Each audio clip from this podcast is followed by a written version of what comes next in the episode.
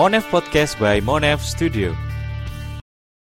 Halo semuanya, selamat datang kembali di Monev Podcast by Monev Studio bersama saya Nailul Farid.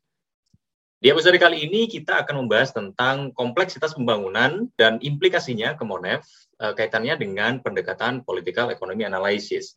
Bersama dengan Mbak Umi Hanik, founder dari Monev Studio. Halo Mbak Umi, apa kabar? Halo Nailul, kabar baik? Alhamdulillah selalu baik, Mbak ya. Ya, alhamdulillah, tetap semangat. Harus itu. Iya, badai pasti berlalu ya. Sehat selalu untuk teman-teman semuanya. Tapi anyway, eh, kita kembali lagi ke topik kita. Seperti biasa, saya akan sampaikan eh, pengantar diskusi kita eh, pada episode kali ini jadi uh, menurut DIVET tahun 2016, suatu proyek atau program bisa mencapai hasil yang berkelanjutan ketika proyek atau program tersebut sehat secara teknis dan memungkinkan secara politis. Pernyataan tersebut juga didukung oleh setidaknya dua literatur akademis, yaitu The Development White Paper, Making Governance Work for the Poor. Paper tersebut menyatakan bahwa perjuangan melawan kemiskinan tidak dapat dimenangkan tanpa pemerintahan yang cakap dan akuntabel. Hal tersebut sebagian besar bergantung pada proses menemukan jenis politik yang tepat. Bahkan white paper yang terbaru, yakni Building Our Common Future, jauh lebih menggarisbawahi perlunya adanya para pelaku pembangunan untuk berpikir secara politis jika ingin menanggapi uh, secara efektif tentang tantangan saat ini, terutama yang ditimbulkan oleh krisis ekonomi akibat pandemi COVID-19. Misalnya terkait isu kemiskinan saja, pada tahun 2021, menurut Bank Dunia, jumlah orang miskin ekstrim bisa mencapai uh, meningkat menjadi total 150 juta orang. Padahal sebelum pandemi melanda, angka kemiskinan ekstrim diperkirakan turun menjadi 7,9 persen pada tahun 2020. Kemudian, berdasarkan data yang saya dapat dari Kompas per Desember 2020, PBB mendap, uh, mencatat uh, bahwa akibat pandemi, jumlah orang yang membutuhkan bantuan kemanusiaan untuk bertahan hidup mencapai 40% di seluruh dunia atau setara dengan 235 juta orang di seluruh dunia. Angka tersebut merupakan yang tertinggi dalam beberapa dekade. Tidak hanya pandemi COVID-19, tanpa disadari kita juga sedang dihadapkan dengan berbagai bencana yang diakibatkan oleh krisis iklim. Misalnya seperti yang diberitakan oleh Kompas pada Januari 2021 menyebutkan bahwa akibat adanya krisis iklim, Amerika Serikat dilanda 22 bencana besar dan menderita kerugian sebesar 95 miliar dolar pada 2020. Dan masih banyak contoh kasus di banyak negara yang lain jika ingin kita menyebutkan satu persatu. Nah, untuk Mbak Umi, apakah benar bahwa selain sehat secara teknis, memungkinkan secara politis juga perlu jika suatu intervensi ingin mencapai hasil yang berkelanjutan? Lalu, apakah uh, pelaku pembangunan harus melek politik, kemudian apakah itu saja cukup, atau perlu adanya pemahaman terkait suatu alat analisis tertentu yang harus dikuasai? Silakan, Mbak. Oke, Nailul, uh, terima kasih untuk uh, pengantar diskusinya yang cukup uh, menarik ya, seperti biasa. Nah, sebenarnya uh, kita bisa mulai dari apa ya uh, makna secara sempit dulu ya dari yeah apa sih political economy itu gitu kan. Nah ini uh-huh. kenapa penting dan relevan uh, bagi para pengambil uh, keputusan maupun pengambil kebijakan uh, di berbagai sektor termasuk uh, mereka yang uh, pegiat atau uh, pengamat atau yang uh, mereka meminati uh, apa isu-isu pembangunan seperti itu. Uh-huh. Jadi kalau secara epistemologi atau by definition uh, secara sempit, political economy itu uh, bisa diartikan sebagai uh, satu hubungan ya antara ekonomi dan politik, uh, baik itu yeah. secara global, nasional, ya kan, terus kemudian regional ataupun lokal. Nah, tapi dalam makna yang lebih luas, apalagi kalau kita coba dudukkan dalam konteks pembangunan, jadi sebenarnya political economy uh, ini berada pada uh, pembangunan itu sendiri dan intervensi pembangunannya gitu. Yang mm -hmm. jadi kalau kita bicara soal pembangunan dan intervensinya, ini kan tujuannya untuk merubah ya kan, merubah sesuatu atau menuju uh, uh, apa titik tertentu dari titik A gitu kan. Nah, hmm. bagaimana uh, apa proses dari uh, perubahan itu sendiri ya kan? Uh, bagaimana caranya uh, apa uh, menghasilkan satu perubahan itu ya kan? Seberapa efektif gitu kan? Sementara kalau kita diskusi dalam episode-episode sebelumnya ya kan, pembangunan itu kan multidimensi gitu. Yang itu yeah. melibatkan sosial, politik, ekonomi dan uh, proses yang sangat kompleks gitu kan. Nah, hmm. Untuk masuk ke dalamnya mengintervensi atau uh, mencoba me, uh, apa ya uh, mengurai uh, kompleksitas itu itu membutuhkan pemahaman yang mendalam terkait pertama bagaimana sesungguhnya uh, hubungan antara ekonomi, politik dan hukum ini uh, intertwine, berkelindan, saling ber, uh, berinteraksi, ya kan? Hmm. Kemudian uh, bagaimana ketiganya itu mempengaruhi kebijakan yang ada, ya kan? Baik itu kebijakan ekonomi, ya kan? Hasil-hasil uh, politik dan juga uh, mengerucut pada outcome dari pembangunan itu sendiri, ya kan? Hmm. Nah, kemudian bagaimana memahami faktor-faktor yang uh, apa ya membuat itu uh, terjadi gitu jadi uh, enabling faktornya apa saja, termasuk juga mengenali kelompok-kelompok peubahnya gitu, ya kan? Mm-hmm. Nah yeah. dari ini uh, apa memaksa kita dalam tanda kutip untuk memahami lebih jauh sesungguhnya apa saja yang menggerakkan roda dari uh, apa political economy analysis ini.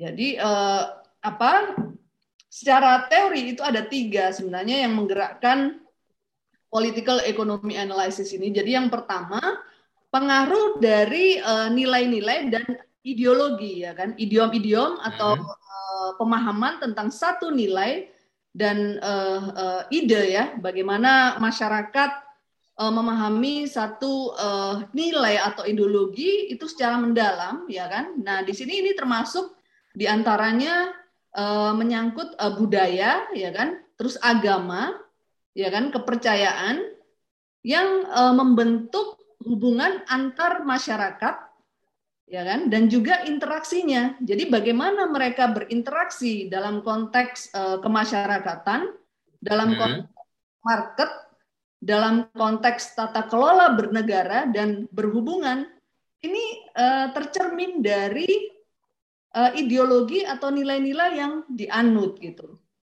Nah, kemudian okay. yang kedua yang menggerakkan political economy analysis adalah peran dari kelembagaan formal maupun informal. Jadi bagaimana kelembagaan formal dan informal ini bermain, ini juga uh, menjadi satu uh, uh, hal penting, uh, menjadi bagian dari uh, hal penting dari political economy analysis. Nah, yang hmm. ketiga itu adalah uh, bagaimana sesungguhnya konstruksi antara kekuasaan dan kekuatan gitu. Jadi power and authority ya kan dari sekelompok masyarakat ya kan. Terus bagaimana hmm. interest dan apa ya insentif yang mendorong mereka itu bergerak gitu. Itu. Iya, iya. Jadi uh, tiga hal itu yang uh, sesungguhnya uh, menjadi hal penting dalam uh, political economy analysis. Nah, sekarang kita coba kupas satu-satu ya. Apa sih sesungguhnya ideologi, value, uh, ya kan, norma, hmm. terus kemudian uh, hal-hal yang sifatnya dijunjung tinggi oleh masyarakat umumnya gitu. Jadi hmm. ada satu hal yang mungkin nanti Nailul dan rekan-rekan yang mendengarkan uh, podcast ini bisa juga uh, browsing ya tentang sebenarnya seberapa seberapa jauh sesungguhnya ideologi ya kan norma-norma itu sesungguhnya bisa menggerakkan uh, apa ya peran dari suatu uh, negara gitu. Iya, oke. Okay. Jadi hmm. ini sangat penting. Bagaimana ideologi kemudian ini diterjemahkan dalam satu kelembagaan. Ini uh, uh, kemudian uh, itu menjadi semacam uh, apa ya? ruh gitu kan, ruh yang menggerakkan hmm. Kedua roda lainnya, ya kan? Yeah. Jadi misalnya salah satu contoh aja, ini situasi uh, pandemi ya sekarang ya kan uh, tadi mm -hmm. Jadi uh, untuk delta varian ini uh, implikasinya sangat parah gitu. Sampai dengan adanya gas apa oksigen itu yang gitu, ya kan? Kehabisan di mana-mana. Uh, yang sudah punya uh, tabung gas itu pun untuk isi ulang itu sulit gitu. Mm -hmm. Kemudian terjadi price gouging di mana-mana ya kan? Yang menurut kita itu secara moral nggak benar loh gitu. Iya yeah, iya. Yeah. Tapi menurut mereka yang uh, ada kebutuhan untuk uh, menghidupkan bisnisnya itu wajar ya kan? Permintaan tinggi otomatis harga juga harus dinaikkan. Jadi misalnya yeah. diskusi dengan uh, satu dokter gitu kan, misalnya mereka uh, untuk uh, per, apa persediaan tabung di kliniknya gitu, yang hmm.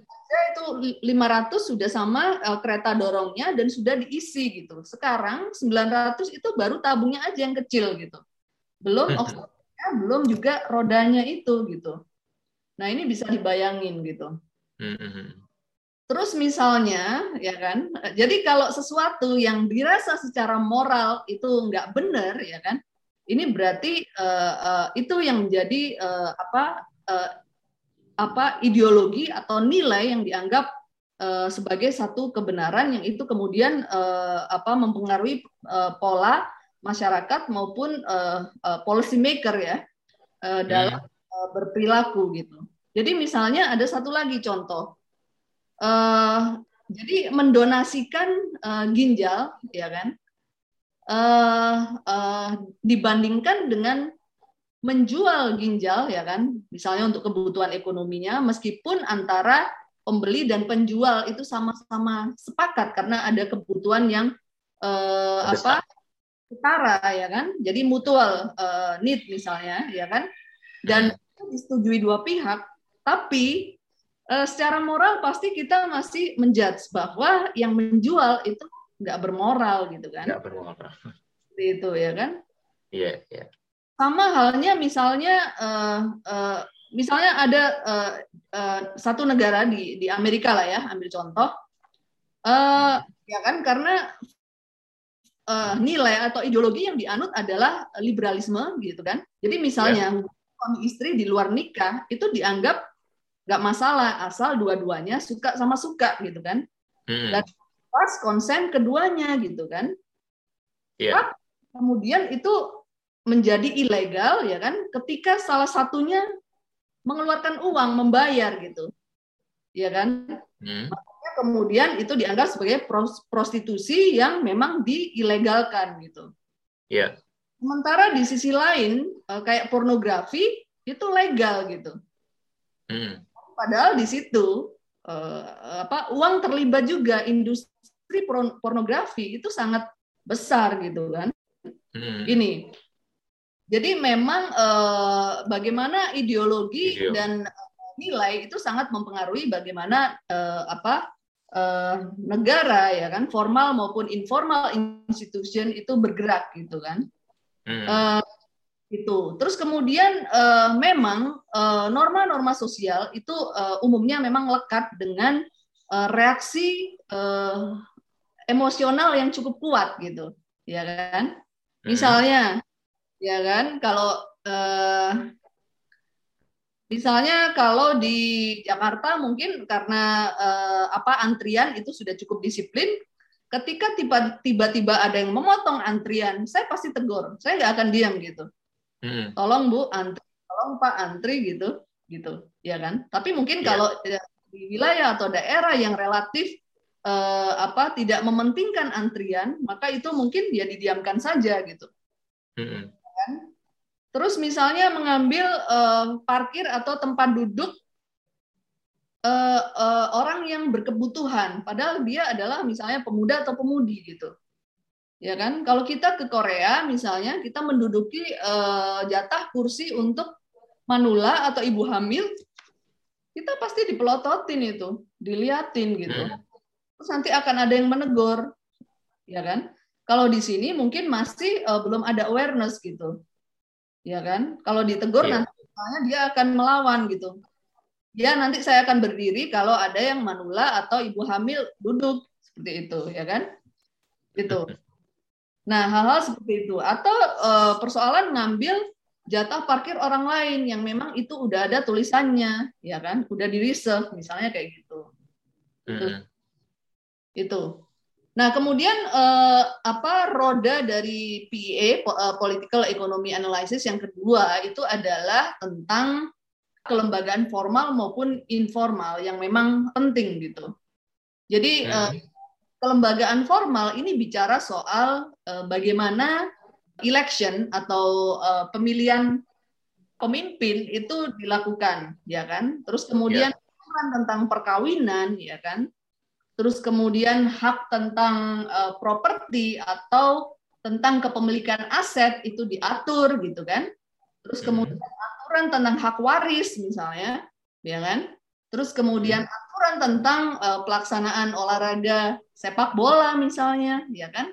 Atau bicara soal kontrak gitu kan, kontrak pekerjaan antara uh, pemberi kerja dengan pekerja dan lain sebagainya gitu.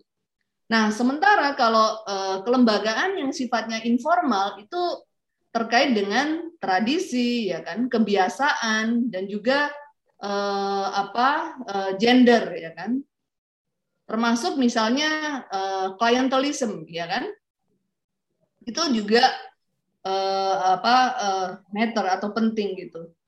Nah tapi memang tidak ada batas yang jelas antara uh, formal dan informal institution ini ya kan tapi uh, evolusi antar uh, keduanya itu bisa jadi uh, dinamis di satu negara gitu kan atau di satu uh, area gitu tapi di sisi lain itu bisa jadi sangat uh, sulit ya kan? Karena misalnya ini ada hubungannya dengan uh, open and closed system. Tapi ini nanti ya uh, setelah uh, pemahaman mendasar tentang PA ini ada, ya kan? Okay. Termasuk misalnya uh, uh, contoh aja itu bagaimana merubah uh, hak waris yang memang lebih pro laki-laki misalnya, ya kan? dalam konteks tertentu ini akan sulit untuk mempengaruhi uh, apa area itu gitu. Nah, kemudian dari sini kita masuk ke yang ketiga ya. Ini bagaimana sesungguhnya power dan apa otoritas itu sangat penting, ya kan? Nah, power dan otoritas ini melekat pada aktor-aktor tertentu gitu. Nah, apa sih beda dari keduanya, ya kan? Nah, kalau power itu biasanya memang uh, melekat ya kan karena pengetahuannya dan keahliannya gitu. Hmm. Ya kan? Sementara kalau otoritas itu karena dia punya posisi ya kan? Yeah.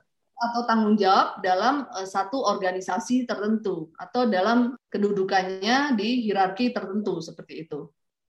Nah, kemudian kalau uh, power ini lebih kepada kemampuan individu atau uh, personal ya kan mm-hmm. untuk uh, mengendalikan atau mempengaruhi banyak orang gitu ya kan tapi kalau otoritas ini lebih kepada hak-hak formal yang digunakan untuk mengambil keputusan atau membuat perintah gitu kan mm. itu jadi misalnya kalau saya katakan uh, saya di Monef Studio ya kan sama saya sebagai salah satu uh, apa uh, spesialis atau uh, uh, expert di bidang monet gitu. Uh, di satu sisi saya punya uh, otoritas untuk Monet Studio gitu kan. Iya. Yeah. Tapi di, di di luar Monet Studio ya kan saya nggak punya otoritas gitu. Ya kan? Tapi punya power. Tapi punya power karena ekspertis saya di bidang Monet itu gitu kan. Hmm. Itu.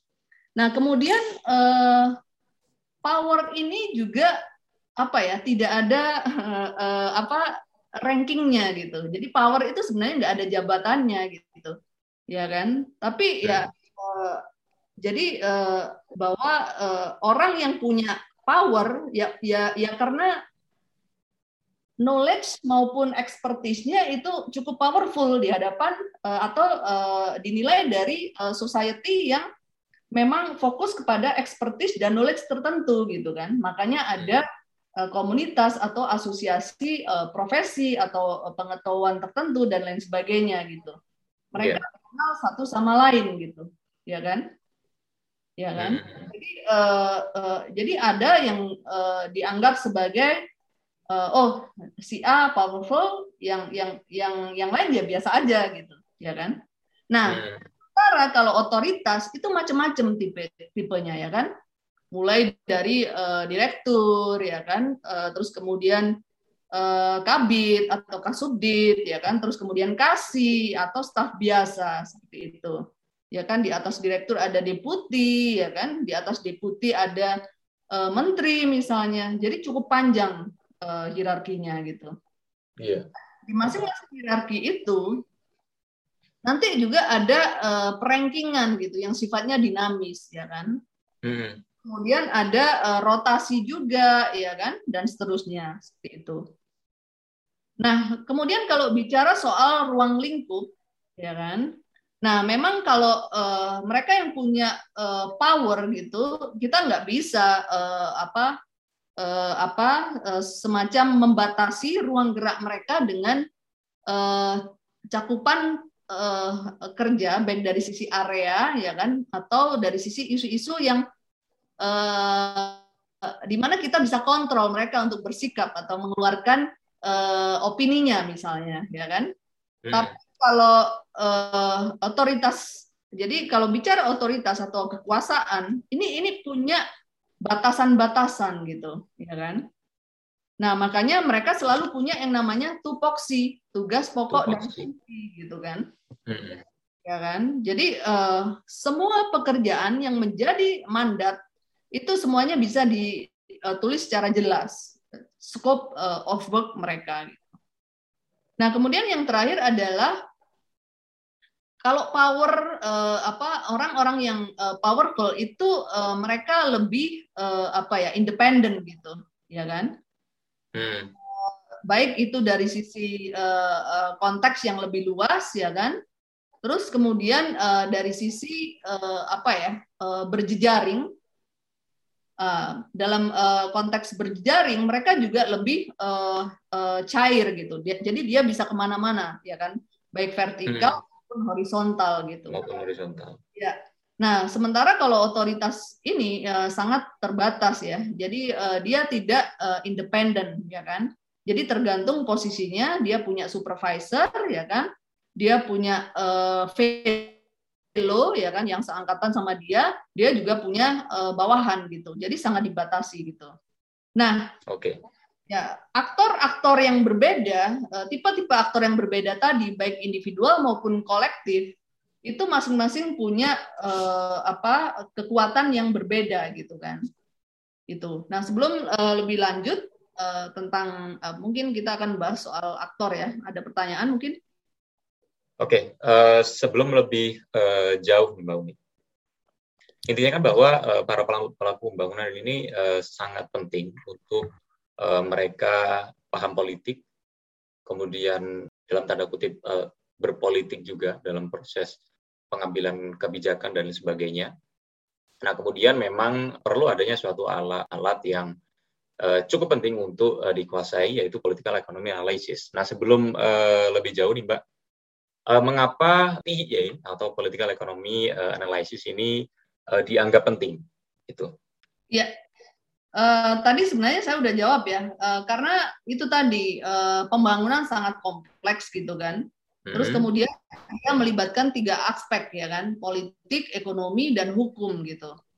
Nah, uh, untuk memahami uh, kompleksitasnya, maka uh, kita uh, perlu menggunakan pendekatan ini gitu, pendekatan political economy analysis.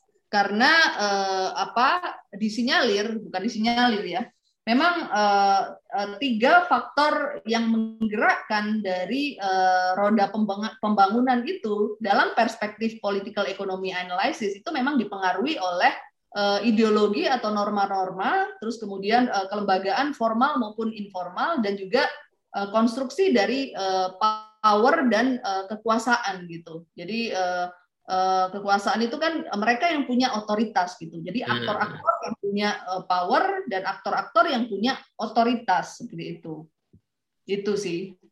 Tapi mungkin bisa saya lanjutkan ke berikutnya supaya uh, lebih jelas uh, Eh, dengan kita memahami apa sesungguhnya uh, peran atau kedudukan dari uh, aktor itu sendiri gitu. Oke, iya Pak, silakan. Ya, karena uh, jadi gini ya catatan penting bahwa tujuan utama dari political economy uh, analysis ini kan sebenarnya untuk membuat uh, atau mendorong pembangunan yang lebih efektif gitu kan. Jadi yang yeah. dilakukan pertama adalah jadi uh, blaming, shaming itu sangat tidak disarankan. Jadi jadi menyebut nama ya kan terus kemudian mengumumkan ya kan ke publik dan lain sebagainya itu ternyata uh, sangat uh, tidak punya implikasi positif itu. Jadi sangat disarankan untuk tidak mengidentifikasi siapa uh, bad guy-nya, ya kan? Bad guys jangan diumumkan gitu, ya kan? Mm -hmm. Siapa yang bagus, siapa yang jelek, itu itu justru tidak disarankan dalam political economy gitu. Tapi sebenarnya political economy analysis ini lebih uh, ditujukan untuk memahami ya kan faktor-faktor apa saja yang melatari terbentuknya insentif ya kan atau motif para pengambil keputusan gitu. Ya kan? Jadi uh, misalnya si A si B dibalik keputusan untuk melakukan PPKM, uh, menerapkan PPKM darurat ya kan? Terus kemudian turun jadi level 4 dan seterusnya.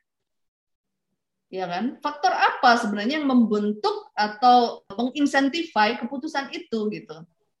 Hmm. Ya kan? Tapi uh, kita tidak uh, melakukan uh, apa atau menjudge bahwa uh, si A ini uh, apa salah gitu. He or she is the bad guy gitu. Bukan seperti itu, ya kan? Hmm. Karena apa? Kalau karena kalau menurut political economy analysis, jadi uh, apa uh, apa ya uh, men, menunjuk satu uh, atau uh, seseorang, ya kan? Baik itu dalam konteks uh, siapa dan kapan, ya kan, mengambil keputusan A atau B, itu nggak penting gitu, ya kan? Karena yang penting itu tadi mencoba memahami uh, apa variabel atau faktor yang uh, memotivasi mereka untuk mengeluarkan keputusan X maupun Y gitu. Nah, kemudian yang perlu dihindari dengan demikian adalah menciptakan kesan yang misleading bahwa sesungguhnya permasalahan dari uh, pembangunan yang cukup kompleks ini karena si A atau si B gitu.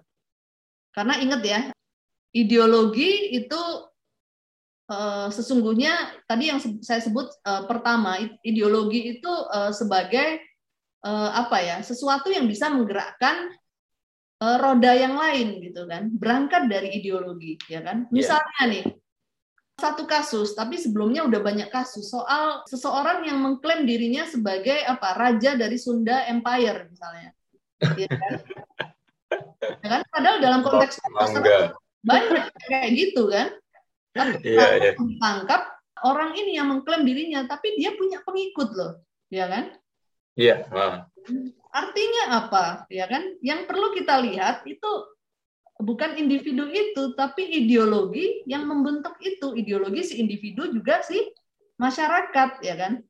Jadi sebenarnya individu ini kan hanya memanfaatkan ya kan bagaimana uh, apa mungkin kerinduan terhadap seorang pemimpin yang melekat pada karakter si yang kemudian mengklaim sebagai raja ya dari Sunda Empire gitu. Iya. Seperti itu, ya kan? Uh. Jadi kalau memblame si A ini, ya kan, sebagai permasalahan itu kayaknya nggak pas gitu, ya kan? Karena hmm. akan lahir lahir lahir uh, uh, uh, Sunda Empire baru ya kan? Ganti nama doang gitu. Gitu. Ya kan? Iya. Yeah. nah terus kemudian uh, kenapa kita uh, apa perlu melihat uh, motivasi atau driver di belakangnya? Karena sebenarnya motivasi itulah yang menginsentify yang mendorong yang memotivasi perubahan-perubahan individu ya kan? Hingga menjadi satu uh, perubahan kolektif yang terstruktur gitu.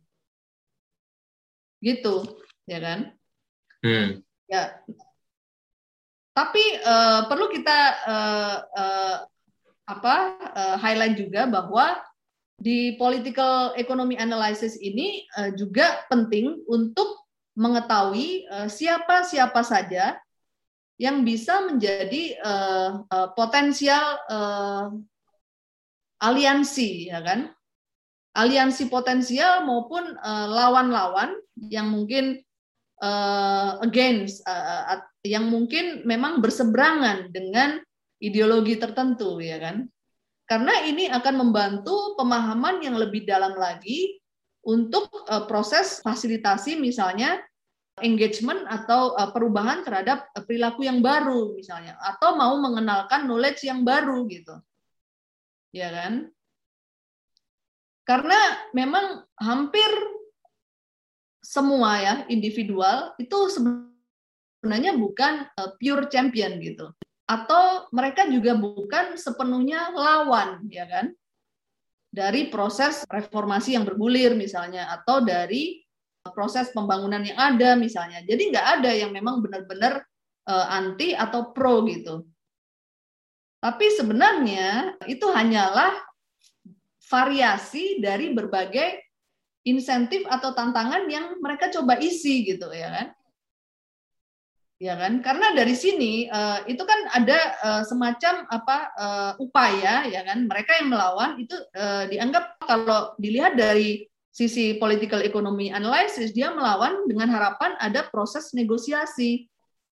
Ya kan? Kompromi. Hmm. sehingga akan ada ruang untuk mereka bisa terlibat ya kan? Gitu.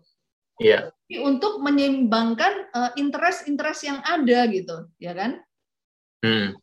Dengan demikian ini juga akan menjadi satu pertimbangan politik yang strategis ya kan. Juga dari sisi budget itu juga menjadi lebih efisien gitu kan. Jadi hmm. Eh, dalam tanda kutip eh, kita juga jadi bisa mengenali oh ternyata eh, kalau kita telisik akarnya si politisi A sama B yang kelihatannya berseberangan ya kan ternyata mengerucut pada investor yang sama gitu loh. Ya kan? Iya, iya. Padahal yang bawah udah gontok-gontokan gitu. Itu. Ya kan? Jadi ini uh, fenomena yang menarik. Jadi instead of menggali uh, atau melibatkan pihak luar atau jadi intinya itu tadi kembali kepada uh, bahwa jadi nggak ada individual yang memang benar-benar uh, ekstrim gitu ya melawan atau yang benar-benar memang uh, mendukung gitu ya kan karena uh, di balik itu semua ada interest-interest tertentu. Ini menurut political analysis ya, ya. Nah, jadi dari sini uh, kita perlu kasih catatan juga bahwa uh, roda yang menggerakkan political uh, political economy analysis tadi, ya kan, nilai-nilai, ideologi, terus kemudian uh, institusi formal maupun informal, power dan otoritas, ya kan, itu sesungguhnya tidak homogen gitu. Tapi mereka hmm. terdiri dari eh, kelompok-kelompok yang uh, heterogen, baik dari sisi ideologi, nilai, kelembagaan maupun aktor gitu. Jadi contohnya aja misalnya eh, jika satu uh, apa ideologi di negara tertentu itu yang dianut adalah sistem kasta gitu. Maka roda uh, ketiga roda itu akan menggerakkan satu sama lain menganut pada ideologi uh, kasta tadi gitu, ya kan? Jadi uh, kekuasaan politik dan ekonomi dari kelompok tertentu itu akan sangat dipengaruhi oleh sistem kata kasta tadi gitu, gitu, hmm. ya kan? Tapi paham ya sistem kasta secara umum. Jadi uh, apa? Jadi uh, sistem kasta ini kan terdiri dari beberapa hierarki gitu kan. Yang tertinggi itu adalah uh, Brahma gitu kan. Mereka yang tokoh-tokoh agama itu uh, uh, uh, menempati posisi tertinggi. Terus yang uh, berikutnya uh, Satria gitu kan. Ya. Itu mereka uh, pejabat-pejabat, kan birokrat ya kan. Terus kemudian mungkin uh, tentara dan seterusnya gitu kan. Terus kemudian uh, kasta berikutnya itu mereka adalah pekerja yang uh, skillful dan seterusnya kayak kayak gitu. Nah, yang terakhir itu kasta sudra misalnya memang pekerja yang nggak punya uh, skill tertentu gitu, unskilled worker semacam itu. Nah, jadi sistem kasta ini akan menggerakkan roda ideologi yang dianut dan dipahami sebagai satu kebenaran itu kemudian yang diterapkan dalam struktur atau kelembagaan uh, formal maupun informal dan juga mereka yang dianggap powerful dan juga punya otoritas itu juga merefer pada uh, sistem kasta itu tadi gitu. Ya, ya memang ada satu konteks misalnya uh, pemerintah mau mengadopsi kebijakan untuk melindungi uh, kasta terbawah gitu kan. Tapi kalau menurut uh, political economy analysis kita juga akan melihat oh bisa jadi ini uh, bukan sepenuhnya murni untuk solidaritas gitu kan. Tapi memang untuk kebutuhan survival politik atau perhitungan politik gitu kan karena dia ingin memenangkan suara dari kelompok bawah ini yang memang cukup besar gitu kan hmm. ya kan tapi yeah. meskipun begitu memang uh, kemudian menjadi ada ruang ya kan atau potensi-potensi untuk pemberdayaan politik maupun ekonomi bagi uh, kasta terbawah ini tadi gitu. Itu sih. Nah, uh, kemudian uh, sesungguhnya pendekatan political economy analysis ini sebenarnya banyak cabangnya ya. Cabangnya antara lain kayak misalnya politik ekonomi internasional ya kan, bagaimana kemudian ideologi ekonomi itu bisa uh, menjelaskan uh, berbagai uh, fenomena uh, pembangunan yang ada gitu. Ya kan? Terus kemudian ideologi-ideologi yang berbeda itu uh, juga diwakili uh, dengan cabang-cabang political economy analysis yang berbeda. Jadi misalnya ideologi yang dianut oleh Adam Smith gitu kan. Terus mungkin Karl Marx itu uh, itu melahirkan uh, pendekatan yang beda gitu atau cabang dari pendekatan yang beda. Ya kan? Nah, misalnya secara umum ya, ekonomis atau ekonom ini menggunakan political economy analysis ini sebenarnya untuk membangun model matematis ya kan, untuk memprediksi eh, atau memproyeksi eh, fenomena-fenomena ekonomi atau untuk mengenali perilaku politik masyarakat tertentu ya kan atau dampak dari kebijakan tertentu. Mereka sering kali juga memanfaatkan PEA gitu. Nah, sementara kalau mereka para ilmuwan politik gitu kan, mungkin menggunakan PEA ini untuk kebutuhan hubungan internasional atau e, mengenali sesungguhnya bagaimana evolusi ekonomi ini berjalan seperti itu. Ya kan? Tapi sesungguhnya PEA ini bisa mengadopsi dan juga mengakomodasi berbagai teori maupun metode penelitian yang memang multi uh, disiplin gitu. Jadi gabungan antara hukum, ekonomi, ilmu politik, sejarah, antropologi, juga sosiologi gitu. Nah, uh, mungkin kita nggak akan banyak-banyak mengupas uh, karena cukup panjang sih sebenarnya political economy analysis ini. Tapi uh, hal penting yang perlu kita kenali adalah bahwa political economy analysis ini menyajikan tiga hal ya kan ya kan? Menyajikan uh, informasi secara deskriptif ya kan? Terus kemudian analitis dan preskriptif gitu. Nah apa itu? Nah uh, jadi yang dimaksud dengan uh, deskriptif itu misalnya gini. Dalam laporan-laporan yang menggunakan political economy analysis itu akan menjelaskan cukup detail tentang misalnya ya satu negara di mana struktur ekonominya yang uh, mungkin ya uh, ini ini uh, saya nggak sebut nama negara apa gitu yang fokus pada ekspor produk-produk pertanian yang diproduksi oleh petani non komersil atau petani subsisten gitu. Uh, Nailul paham nggak apa itu petani subsisten? Nggak paham, Mbak. Jadi petani subsisten itu adalah petani non komersil, artinya dia memproduksi, dia menanam hanya untuk kebutuhan dirinya, dirinya sendiri dan keluarganya ya kan jadi dia uh, uh, uh, untuk cadangan pangan dia tidak untuk dijual gitu dijual oke okay.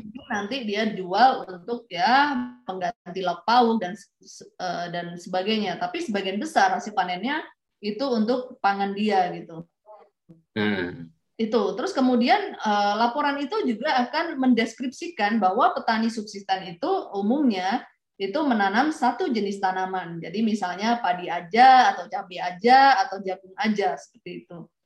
Nah, kemudian di laporan itu juga akan dijelaskan sistem politiknya seperti apa ya kan?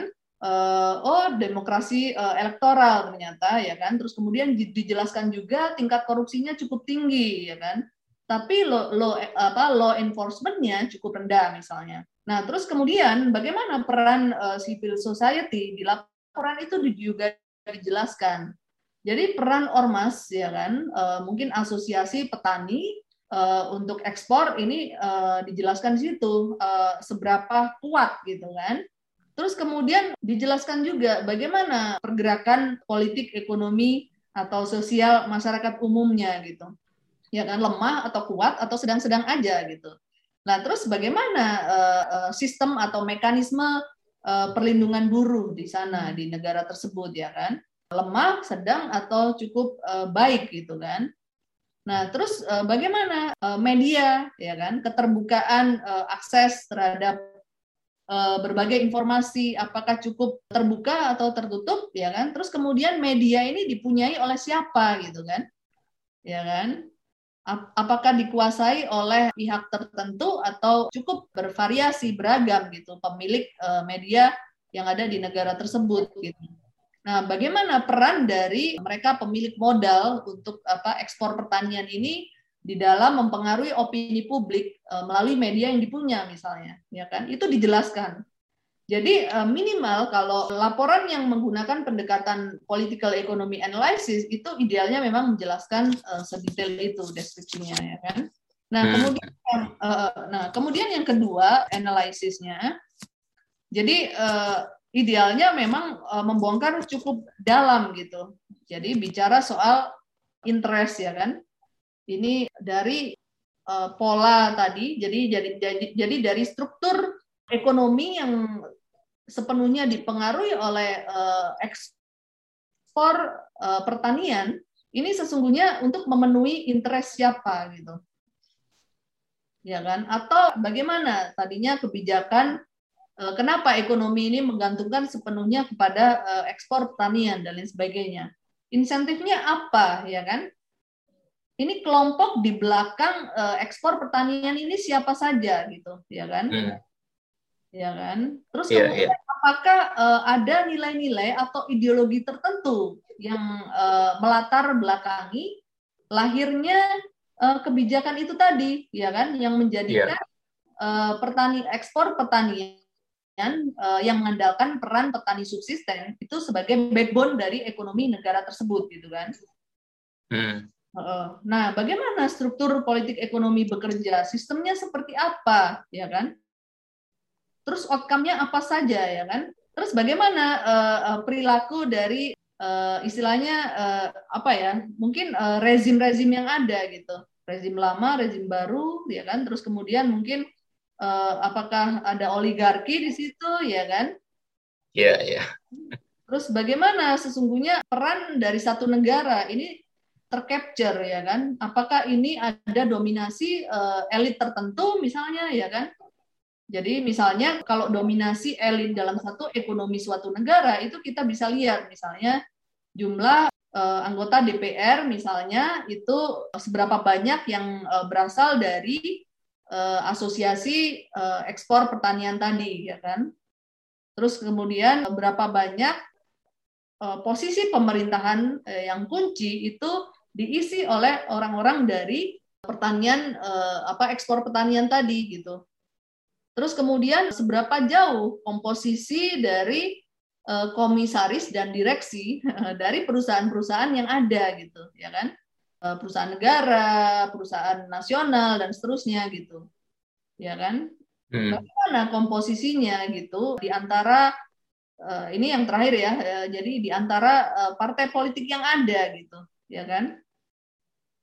Apakah ini merujuk pada oligarki, ya kan? Atau enggak gitu? Ya kan? Yeah.